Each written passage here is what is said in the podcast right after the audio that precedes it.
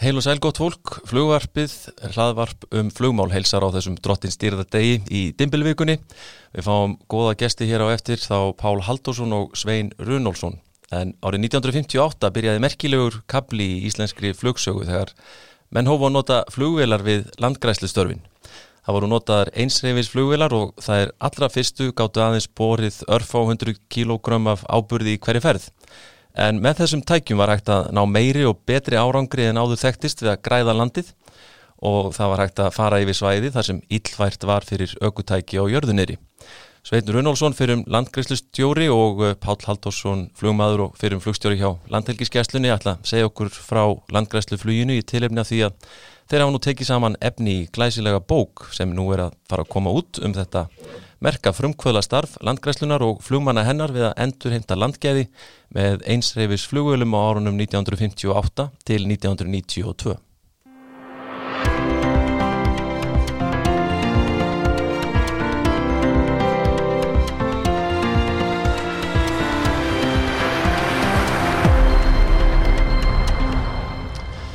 Já, þeir eru mættir í flugvarpið, Sveitur Hunólfsson fyrir um starfsmæður landgræslunar og síðar landgræslustjóri og Pál Haldursson flugmaður í landgræslufluginu og fyrir um þyrluflugstjóri hjá Landhelgiskeslu Íslands. Verið hjartalega velkonir.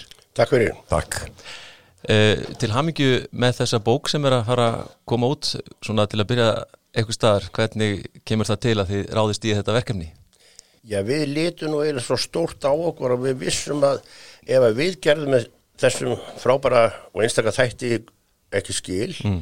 þá verður þið vantilega einhver aðrið til þess. Nei, akkurat. Páll, er þetta ekki svona nokkur veginn?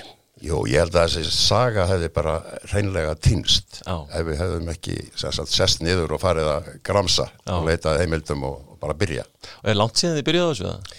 Við byrjum svona í hugunum fyrir kannski 6-8 árum. Já, Páll var með frábært myndasafn af myndum sem hann hafði tekið í, í gegnum tíðina í þessu flugíl og við fórum að láta flikku upp á það og síðan svona spannst þetta orða orði en það er nú eiginlega ekki nema svona kannski þrjú ár síðan fórum svona í alvörun að tala um við ætlum að gera þetta. já, já.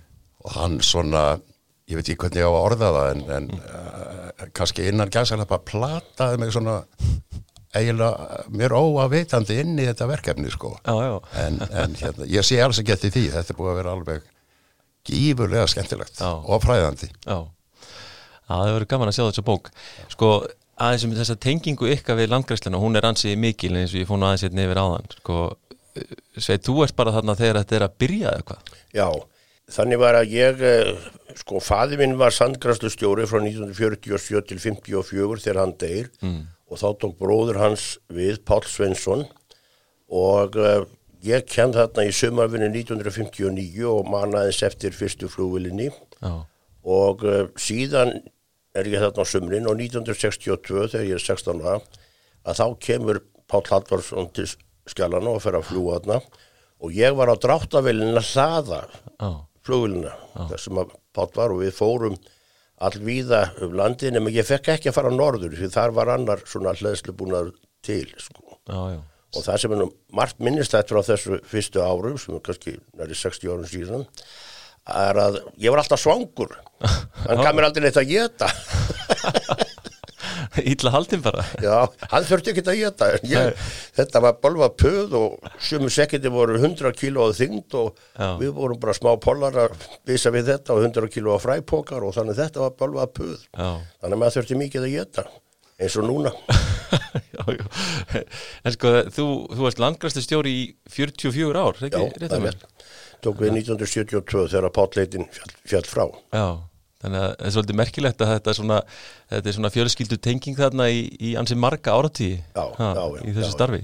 Já, já, þannig óunlegt Já, Já, eins og sett seg, sagði þá hérna, þá byrja ég þarna 1962 já, og uh, ég er eiginlega, ég er fyrsti flugmaður sem að landgræslan ræður áður sem, sem flugmann sko, Já, áður, áður hefur þetta verið flugmenn sko á vegum flugskólans þýts Mhm.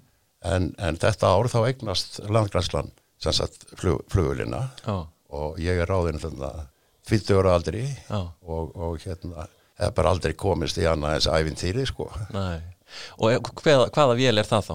Það er Piper Subicup Piper Supercup. Sem er ennþann dag í dag upp á hórseilin minn og ég er að myndast við að fljúa eitthvað í dag. Einmitt. Já.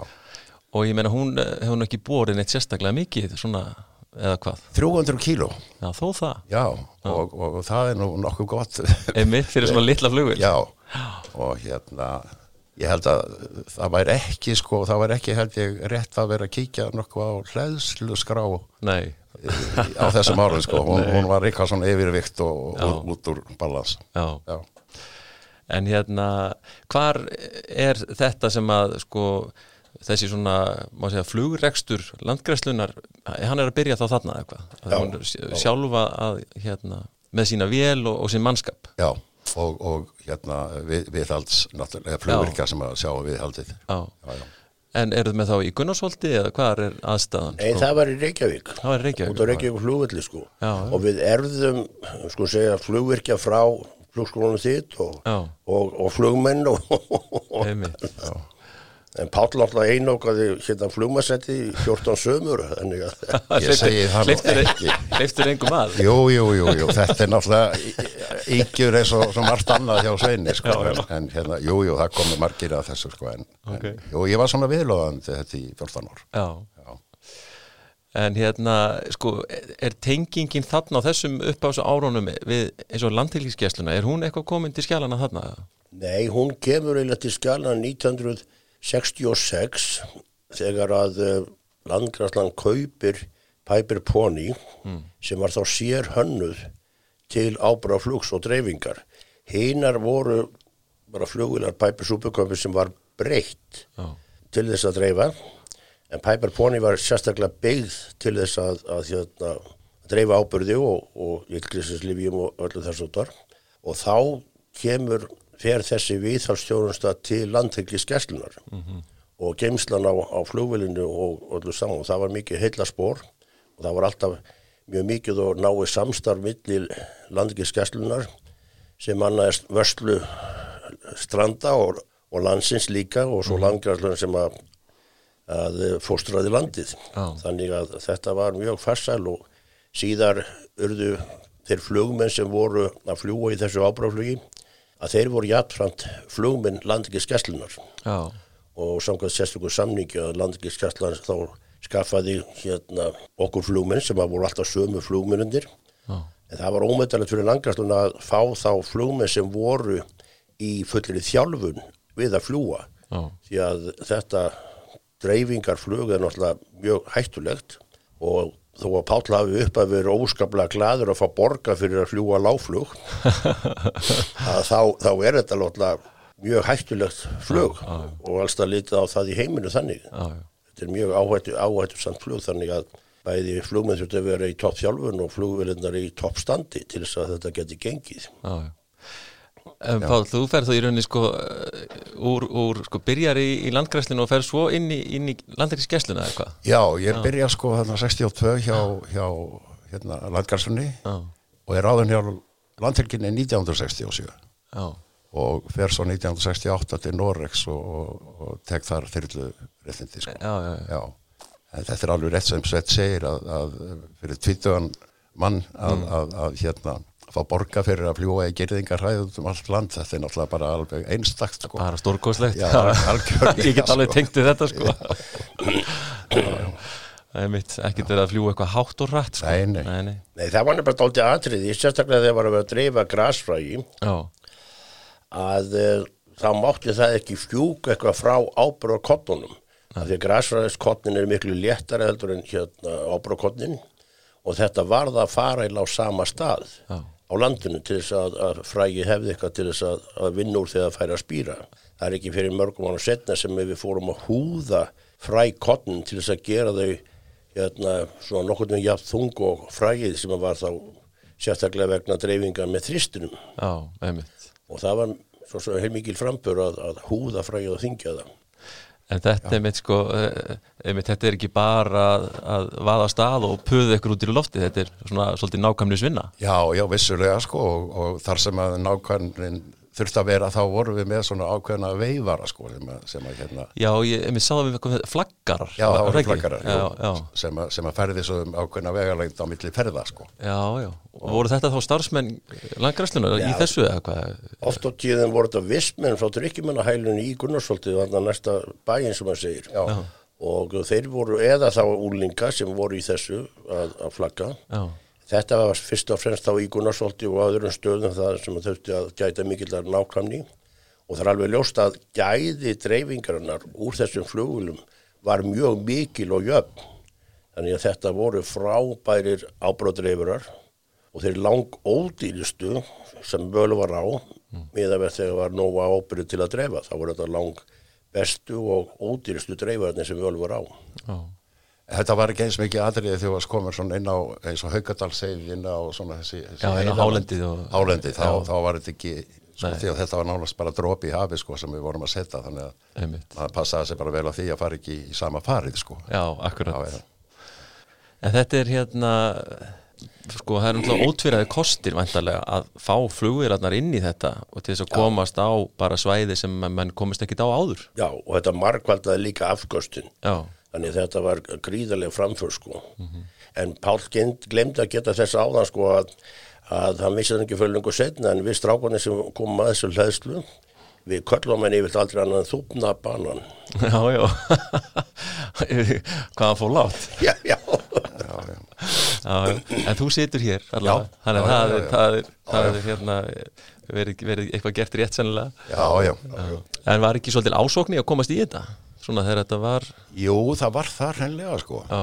og hérna það voru, það er, það er, ég er nú ekki með tölun á þeim sko sem að koma af þessu á litlu vilunum Nei. en þeir voru þó nokkrir þetta var vissulega sko mjög skemmtilegt flug og starf og, hérna, og ekki síst svona svo löngu setna að sjá þennan árangur sko, það var líka virkilega gaman að upplifa það sko Já. sjá munin á landinu Já Já. Og hvað er eitthvað svona sérstatsvæði sem þetta eftir í hug þá? Já, til dæmis Haugadalseiðin, hún er náttúrulega Já. alveg dæmi um þetta, hvað, hvað þetta tókst allt saman vel. Já.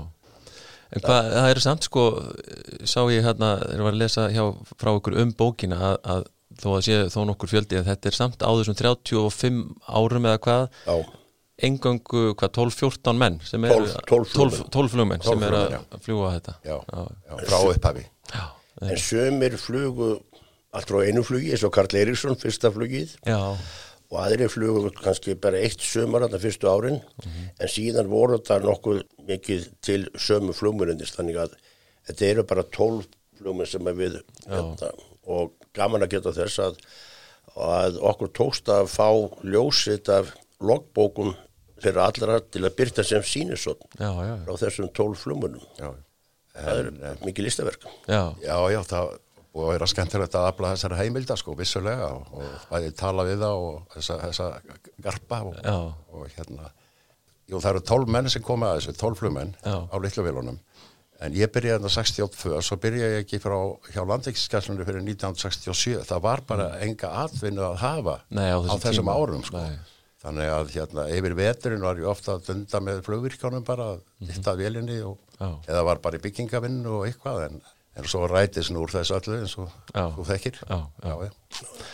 En ég ætla að langa koma því aðeins að að, að það var náttúrulega því miður alls konar lendingastaðir sem var verið að freistast til þess að, að fljúa frá. Já. Því að það var náttúrulega dálítið mikið atrið upp á afkostinu að það væri ekki langt flug frá lendingastaðnum og að dreifingasvæðinu.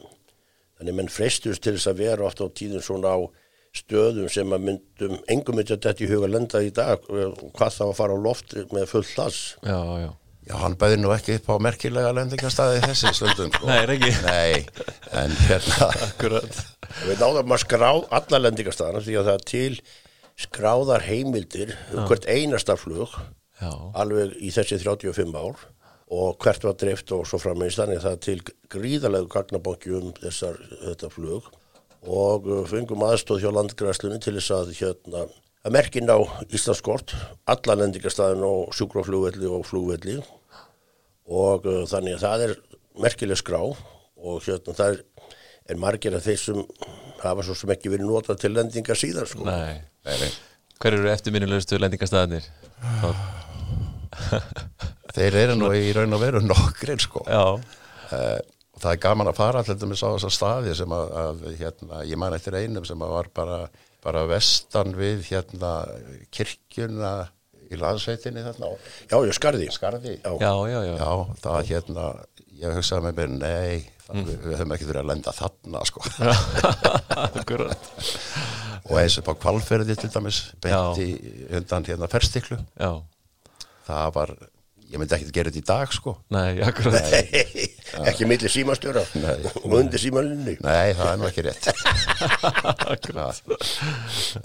En sko, svona framkvæmdin á þessu skipulagi, þetta er vantarlega verið sko eins og þegar við komum inn á bara sumar vinna og slíkt. Já, já. Og Hvað var þetta allir með í langan tíma sem er náða að vera í þessu? Sko þetta byrjaði eiginlega vorin um leið og að hægt var að, að lenda á þessum lendingastöðum því það var mikið atrið að koma ábyrðin og fræginu strax í jörðin á, á vorin. Og síðan var verið að fljúa fram í svona byrjun ágúst. Það verið aldrei, aldrei lengur sko. þetta var í mæ og fram í ágúst, svona já, og það var farið mjög víð um allt land en mest var náttúrulega dreift á, á Suðurlandi og á eldfjallarsvæðunum og, og á Norðausturlandi. Og uh, þannig að þetta eru alls 109 staðir sem var flógi frá. Já, já, það er að segja einhvers konar lendingastaðir og, og svo sjúkraflugvillir og, og flugvillir og uh, okkur Pálir sérstaklega minnist að svona einn lendingastaður fyrir ofan Gunnarsholt sem er upp í raununum þar sem var algjör eðimörk 1959 þegar það byrjaði að dreifa þaðan. Og þá var að dreifa reynir Eiríksson flugstjóri sem enn er á lífi við góða hilsu í Keflavík. Og hann hefur sagt okkur sögun af því sem að hérna, þegar hann lendi þar í óhappið, það er betur að þú segir það Pál. Já, ég veit það ekki. Yfir til þín. Það það var að, ég ætla að byrja á því að hann var að dreifa íla sprengjefni. Á þeim tíma var allt köpnunöðis ábyrðu bara í kjarna Já, sem ennþá dag er dag er nota sem dýnamitt. Já. Það var ábyrðun. Nefn reynir leggur á stað í eitt fljóttakið já, og hérna, hann finnur það svona þegar hann er kannski hálnaður í, í hérna eh, með bröndina að mótorun er eitthvað að hyggsta og hann hættir við og bremsa náttúrulega eins og hann mögulega getur en, en eins og kannski þekkjar á súpukaupum það er nú ekki merkilegar Nei. bremsur það er svona, það er svona hægjur. Já, já, og hérna hann næri ekki að stoppa endar á, á svona hraun nippu við endabrautarinnar og vélina kvolf og þeir sem horfðu á þeir sögðu bara, þeir valla náða að blikka auga, þá var flugmaðurinn stokkin út úr vélinni og tók á rás og sló öruglega að eigin sög sko, heimsmet í 200 metra hlaupi sko. Hann var svo hættan um að springja allir loftum sko. Já, einmitt. Það gerist nú ekki sem betur búr. Nei, hann sagði okkur þess að sögu sjálfur sko. við vorum búin að heyra þetta en já. En það, sko, eins og þú, þegar við komum inn á, þetta er, eins og ég segi, þetta er láflug og Já. á þessum flugul, einsreifis vélum, örðu mörg svona óhöpp? já, það eru þetta alveg til óhöpp Já, Já, það eru nú, já, já, það voru, já, eiginlega þrjú bara alvarlega kröss, sko. já, þar sem menn slösuðust svona misjaflega mikið, ekki mikið samt sem betur verið að enginn dó, nei, en hérna, já, já, það voru alls konar upp að. En, já. Það er þrjár vélar þá sem eru svona, já, sem farast í þessu. Já, Eða sem- þannig, svona, já. verða ónýttar á eftir. já, Já, já, En gaman að geta þessi með Páll var að segja aðan að, að vélinn sem kom 59 sko númið 2, superköpur númið 2, að hún er ennþá að fljúa. Já, Að vísu smíðu upp úr tveimur superköpum. já, K.A. Jóð og K.A. Zeta, sko, sem er TF-AFI núna, sko. já, Þannig hún er ennþá til. já, já, og Piper Pony sem ég var að tala um áður 1966 að hún var síðar eftir mjög langt og farsalt flug, ábrúflug seld Swift flugfélaginu já, alveg rétt, ég man eftir henni þar. Að, að, hérna, draga sviðflugutar. já, já, hún er ennþá í fullu fjöri Já, já, já, einmitt. og uh, síðan var uh, R-traktorinn sem var síðasta hún var seld út til uh, hérna, Mexiko 1994 eða 5 þegar við vorum hættar að nota eins og flugulenda sko. Þannig að þær eðurlega nú ekki allar sko. Nei, nei, þær nei, voru ekkert nei. fleiri þetta. Þetta voru bara þessar tveir superköpar og svo Piper Pony og Piper Brave og R-traktor, það voru þessar fimm flugular Já, já, Jú, jú, þetta kom í mig slett upp á, sko, já, bæði skemmtilegt aðalega, sko. já, já, og hérna það var það, til dæmis mjög gaman að kynnast sko öllum þessum bændum sem að maður var, í- var í hérna vinnu hjá þeim að segja Já, já. og, og hérna einn er sérstaklega eftirminnilegur Guðin í Skarði í landsveit, refstjóri. Já, að uh, þeir voru að hlaða súpiköpun á hlaðinu þannig fyrir framan skarskirkjuna og velinn alltaf í gangi þá er allt í hérna bara að banka á gluggar hjá mér sko. Já, og það er Guðnir hefstjóri og ég opna og hérna hann rétti mig koni að spila inn sko nú já, inn í vel Holl minn, fáðu þið nú slurk af þessu, þeir veitir ekkit af því sko. Og ég held að það væri nú ekki alveg sangvært bókinni sko, Nei. jú, af því að refstjórin býður. Já, akkurat.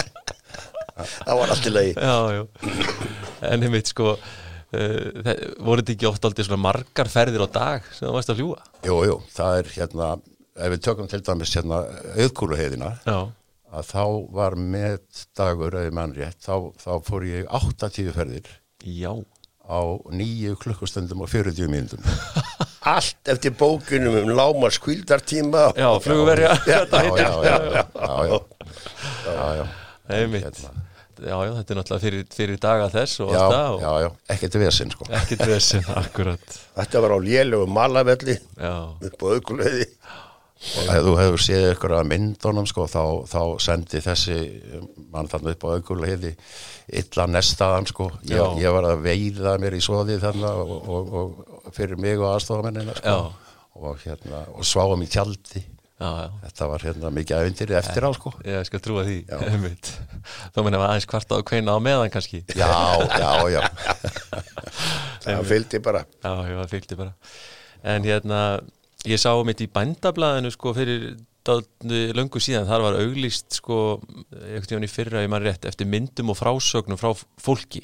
Uh, Fenguði mikið af, af slíku, skilaði það ykkur? það skilaði dálitlu Já, en ekki eins miklu eins og við hefðum kosið og, og ekki nóg mörgum sögum.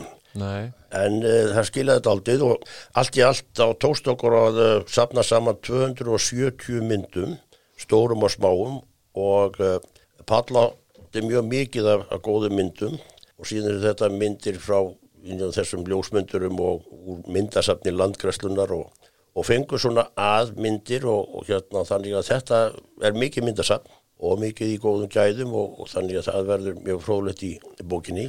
Og uh, landgræslan er aðal styrtaraðili bókarinnar og uh, laði okkur til starfmann Áskil Þórisson sem að settu upp bókina og síðan var þar landfræðingu sem var að hjálpa okkur með kort og myndir og fleira frá landgræslunni þannig að það var gríðalegu styrkur. -hmm. og síðan söpnum við með mikið af áskrifun í forsölu fyrir sölubókarinnar og, og við hefum vonað hún til landsins núna kannski miðjan april frá úrprentun. En öll okkar vinna okkar páls er í sjálfbóðavinnu Já. við, við skrifbókarinnar já, ekki, ekki gleyma því að það er bókaútgáfan Sæmundur sem að gefur út bókina. Selfossi. Á Selfossi. Á Selfossi, já. Já, Bjarni Harðar. Já, já, já, einmitt. Já. Það er hans. Og bókin er stóru broti Já, og, uh, og góðum pappir og hérna þannig það verður öruglega mjög falleg og fróðleg bók. Já, eiguleg bóka Já, já, við já, já, og ég held að myndirnar komið til að skila sér mjög vel sko á að að þetta er svona fýtt pappir sko. Já, og það er mikið skemmtilegum sögum í, í bókinni sem er nú kannski ekki alveg svona útvarshæfur en við láta það líka kurt líka, menn verður bara að lesa þér já, akkurat. Eh, Áttu ekki eina svona dæmisögu fyrir okkur? ég á einn alveg Já. hryllilega sko. Ok. nei, Nú, Jó, nú, nú lögðu allir við hlustir. Já, já það, það var hérna áður en að sandskeiði var allt uppgrætt sko, þá voru við sendið hangaðinu að, að sá og bera á. -hmm. og þetta vakti talsverðu aðtegli og fólk var að koma inn á svæðið og svona trublaði okkur svolítið og við reyndum sem við gátum til að beina fólkinu frá. Þetta tafði okkur. Og hérna svo ég segi við strákanu, já nú nenni ég sig ekki lengur, nú bara nú bara höldum við okkar strikki sko. Og svo kem ég í eina bunnuna og búin að opna fyrir og er að fljúa til vestus og dreifa.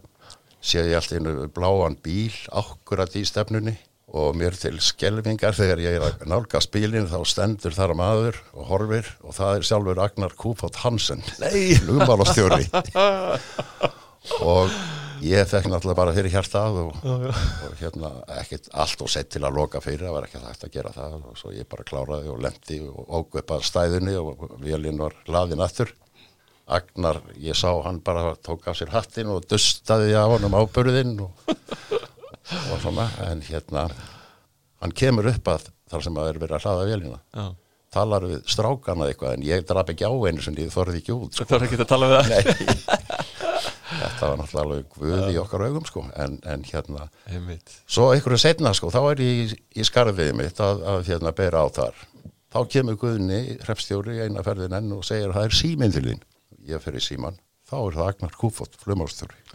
Bara til að hérna stappi með stálinu, ger, þú gerir þig grein fyrir því, Pálminn, þetta er hættulegt flug og endar bara á því að segja og bara gangi þér vel. Já. Myndist ekki orðið á þetta. Já, fallega gert. Já, Já, það var flott. En það má líka geta þess að e, þessi ágætti maður Ragnar Húfúð, hann er sá fyrsti sem að skrifar að því sem við höfum komist næst virkilega um upp af þessa flugs, þar sem hann er að hvetja um, til þess að það verði fara að nota flugvilar í landgræslu Já. og hann hafði kynst í, í Nýja Sólandi þannig hann skrifar heilmikla grein í morgunblæðinu til þess að, að hérna hvetja til þessa flugs og það var á einhverju ámælistegi flugsins og hann skrifaði ímislegt þeirri en þarna er svona fyrstu virkilegu skrifin. Já, já. en síðan svona komu aðrir og, og skrifuðu og hvöttu til þess að Björn Pálsson og fleiri. Og uh, Gard Erísson er náttúrulega svona svona eins og við sjáum það í þessu flugi hann hafði svolítið dreift í bandarækjunum þegar hann var í námi og hafði kynst í hvað var hægt að gera og hann dreif í því að eh, smigla nánast fyrstu superkopfélni inn Já. landið með búnaði. Og það er löng og merkileg saga um það hvernig það tókst og einhver peningar til fyrir innflutningnum og, og engi leifi og, og hann, hún tókst þetta.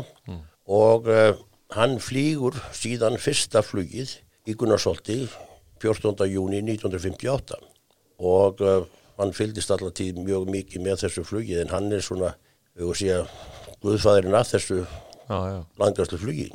En, en þú segir að hann tók fyrsta flugið en, en, en svo ekkit meira eða hvað? Nei, svo leta hann bara starfsmannið þitt, Já. Reyni Eiríksinni, Já. sem ég gæti um áðan. já, hann tók við.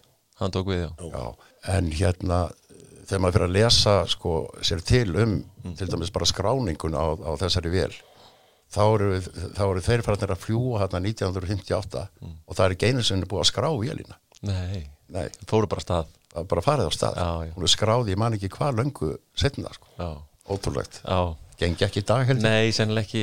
Það væri búið að láta vita eitthvað staðar Já, ég er hættur um það. verður- einhverja sem myndi stoppa það af. Já, já, já, já. og það, þetta var ákveðlega skemmtilegu saga og, og bara pæjónir hugsun í þannig gangi og það var náttúrulega, þegar maður flutt inn að þá var það fyrir velvilja Alfreds Eliassonar í loftleðum sem að, að flutti vélunum til landsins og, og svo fór Karla að ræða við hann hérna svona um hvernig hann getur nú nálgast hana það var ekki búið að skrára neitt.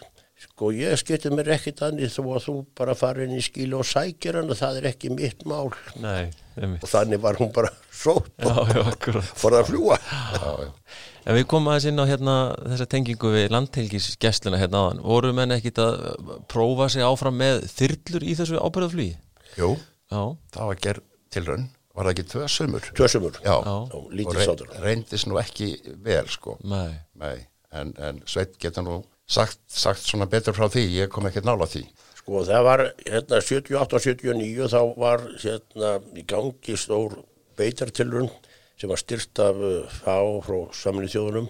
Og þá fengum við svona hlut af styrk ábúradreifara til þess að hengja neðin í þyrlu.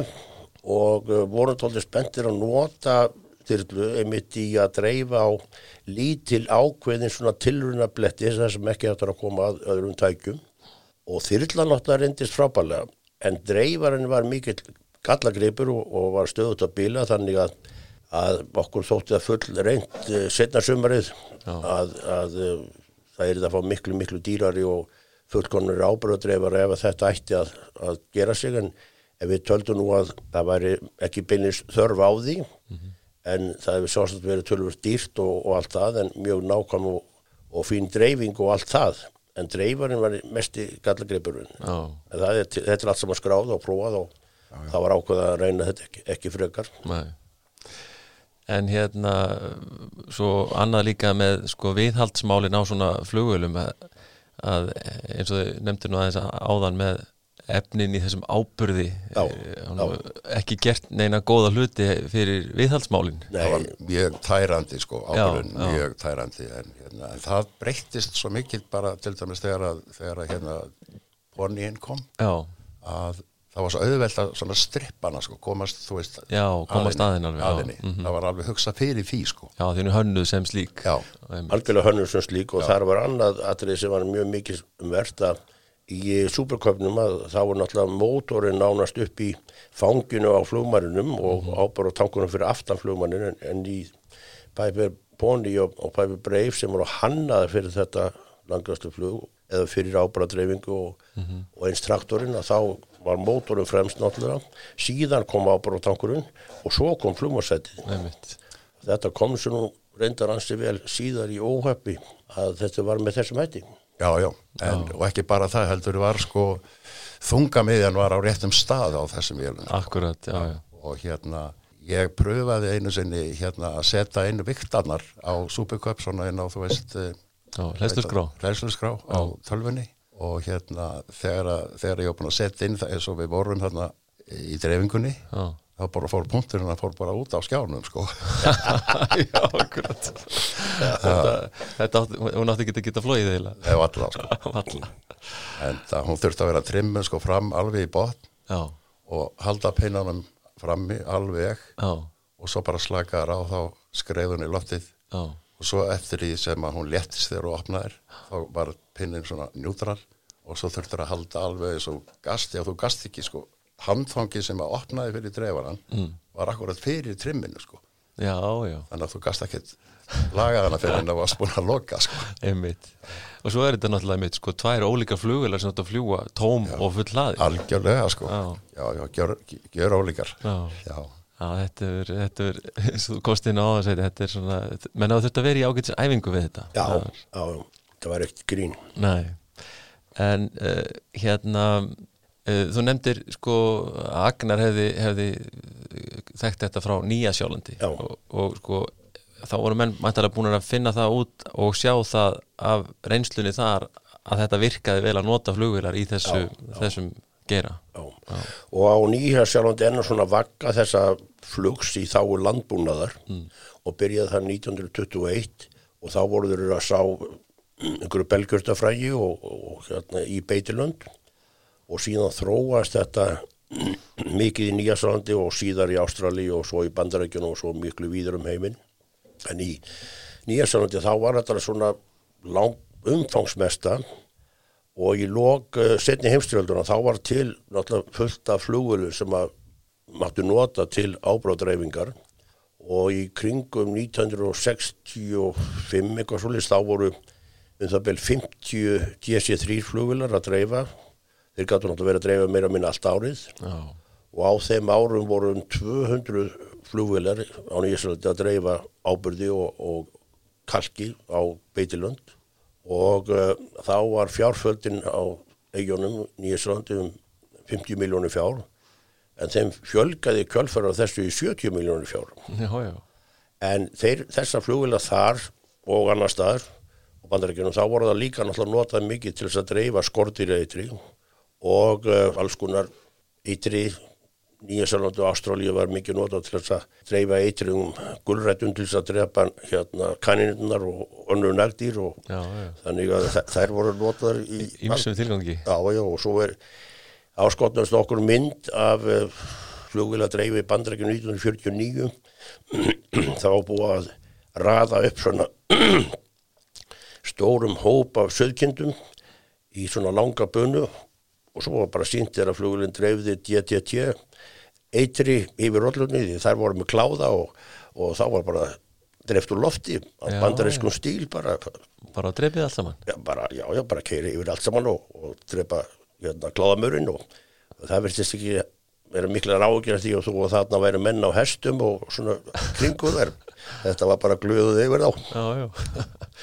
En sko, eru þessar vélar notaðar eitthvað í dag í þessum tilgangi? já, það er notaðar heilmikið í Ástralíu og í bandarækjunum en þá var það svona yfirleitt í bandarækjunum yfirleitt til þess að dreifa alls konar eitri. Já, Í Nýjasólandi er verið að dreifa ennþá heilmikið af uh, kalki og, og fósfor ábyrði yfir beitilönd og þá eru þið yfir svona hérna, eins hreyfisflugular sem bera svona 2 tonn af uh, farmi og nú er þetta náttúrulega allt saman orðið algjörlega við vorum að segja tölvuvætt og geta þá nákvæmlega áallega flugið og jafnadreifingu með GPS staðsendingatækjum og, og uh, þetta eru bara stórir verktakar og uh, bændur geta þá bara sendt þeim í tölvu þessi nitin af því sem við vilja fá dreift já, yfir svæðið og, og svo er þetta bara afgreitt eftir hendinni. Já, já, og þetta er, þetta er tölvöru business en ekkert í líkingu við það sem það var nei. En er, haldið að væri einhver grundvöldu fyrir að nota svona vélar á Íslandi í dag? Ég held ekki svona, ekki fjárháslega nema að það kæmi til eitthvað verulega mikið fjármagn og stór svæði sem menn vildu takast á Já. við til dæmis í kjölfar af náttúruhamförum, Já. miklu ösku og dóskufalli og þess áttar og uh, þá er alveg ljóst að það er engin dreifari, ábæradreifari sem getur keft við flugulegnar í afkostum og gæðum á, á stíkulandi en það þarf að vera verulega stórt til þess. Já, það er líka að leigja fluguleg til þess að koma og gera þetta. En ég sé ekki alveg að, að það verði það þarf að koma eitthvað virkilega mikið til. Málið er líka fyrir ekki að bændur eiga orðið svo mikið af stórum dráttavölum og stórum ábröðdreifurum og, og kunna að með þetta fara og, og dreifa.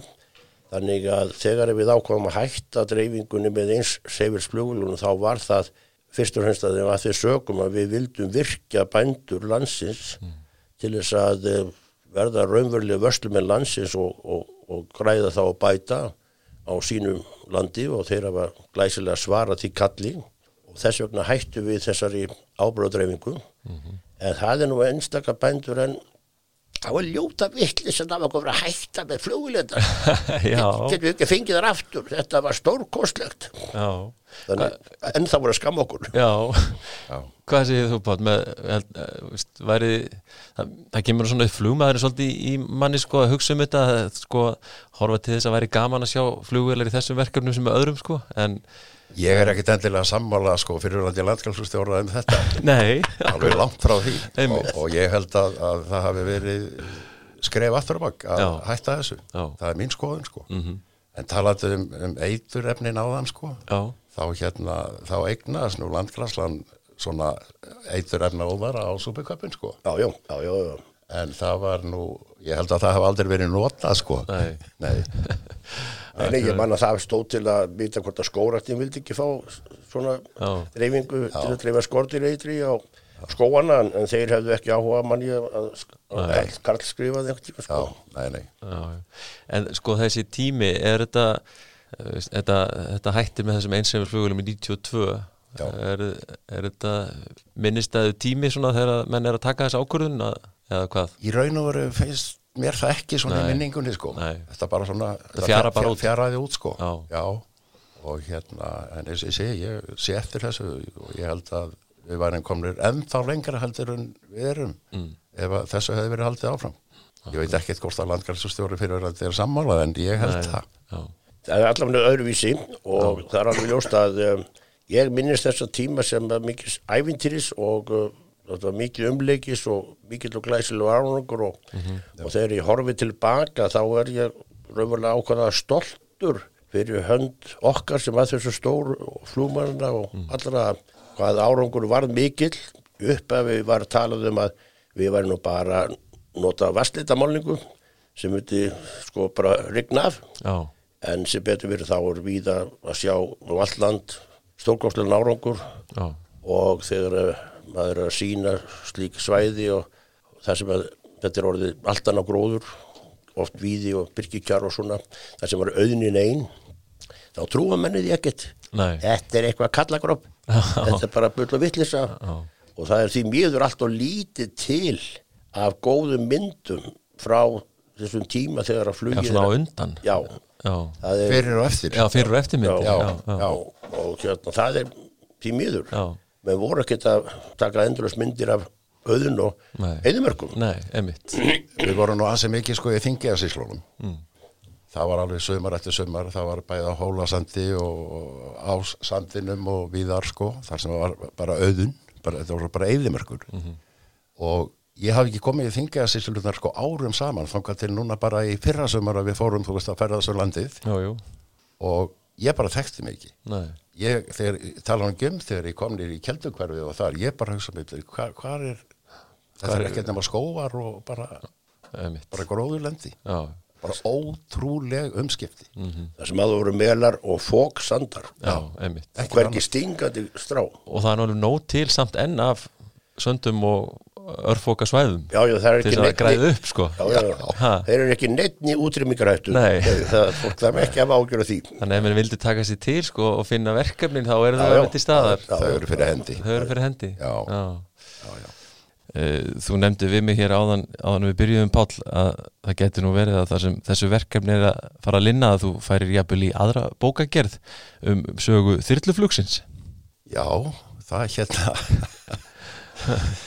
Ég kveikti í honum. Já, vel gert. Já, sko, það, já, ég veit það nú ekki, sko en hérna, en hérna, svona botnin datt úr þessu þegar að bara bókinu var komin í prentun, sko. Já, verkefnin er að ljúka. verkefni bara, já, og það er ennþá svona vetur. Og hérna, þá datt mér þetta bara í hug. Veitu, hvað á ég að fara að gera núna? Já, kanna þetta. Já. og, og hérna við erum tveir þrýr sem að erum bara hreinlega að byrja þér og það er alveg ótrúlega hvað kemur í ljós það kannski á ekki við í þessum þætti en til dæmis fyrsti, fyrsti íslendingurinn sem að, að hérna, flög, flýgur þyrlu Já, hann gerir það 1944 í bandaríkjónum eh, hann líkur ekki námi hann er, er, er að stunda annað heldur en akkurat þyrluflug en hann, hann lærir eitthvað á þyrlu en við hefum ekki fundið en þá hvað hann fór langt sko. Nei, en þetta byrjar sem sagt að fyrsti íslendingurinn sem við vitum um sem flýgur þyrlu er þessi maður sko. Já, og svo er það bara þyrla 1949 sem ég myndist á við þig áðan sem er hérna svona tilraun. Já. Og svo er ekki fyrir 65 þegar að TF Eir kemur til hansins og, og sem er fyrsta gæslu sem er fyrsta gæslu þyrla já, sko. já, ég er búin að liggja á þjóskjálasafninu og Já. grúska og þetta er bara mjög gaman. Já, já, Já, þetta hljómar mjög áhugavert. Og, og sko, og ég veit að þessi þáttur náttúrulega fjallar um þessa landgræslu bók ykkar en, en, en sko, hver er svona fyrsta þyrlan sem þú flýgur? Fyrsta þyrlan það er Hjá Gæslunni? hjá gæslunni, það er TF Eir. Það er TF-ir já, Bell 47 Jóð já. já, En allavega, eh, hérna aðeins út út úr. Já. Ég- Góður samt. Já, akkurat. En þetta hljómar sem allavega hérna mjög áhugaverð bók sem er, er von á. Ég óska ykkur bara til hamingju með útgáfan á. Landgræsluflugið endur heimt landgæða á einsefisflugilum á Íslandi. Takk. Þetta er hérna, verður gaman að sjá. Eh, Takk kærlega fyrir komuna. Takk fyrir mig. Takk fyrir okkur. Páll og Sveinn Hvar verður svo hægt að nálgast bókina? Þið vorum búin aðeins koma inn á þetta áðan. Já, já, það er verið bókaútgáfa Sæmunda sem er bæði á Salfossi og bókabúður Reykjavík og svo verður hún eitthvað í svona helstu bókabúðum í Reykjavík.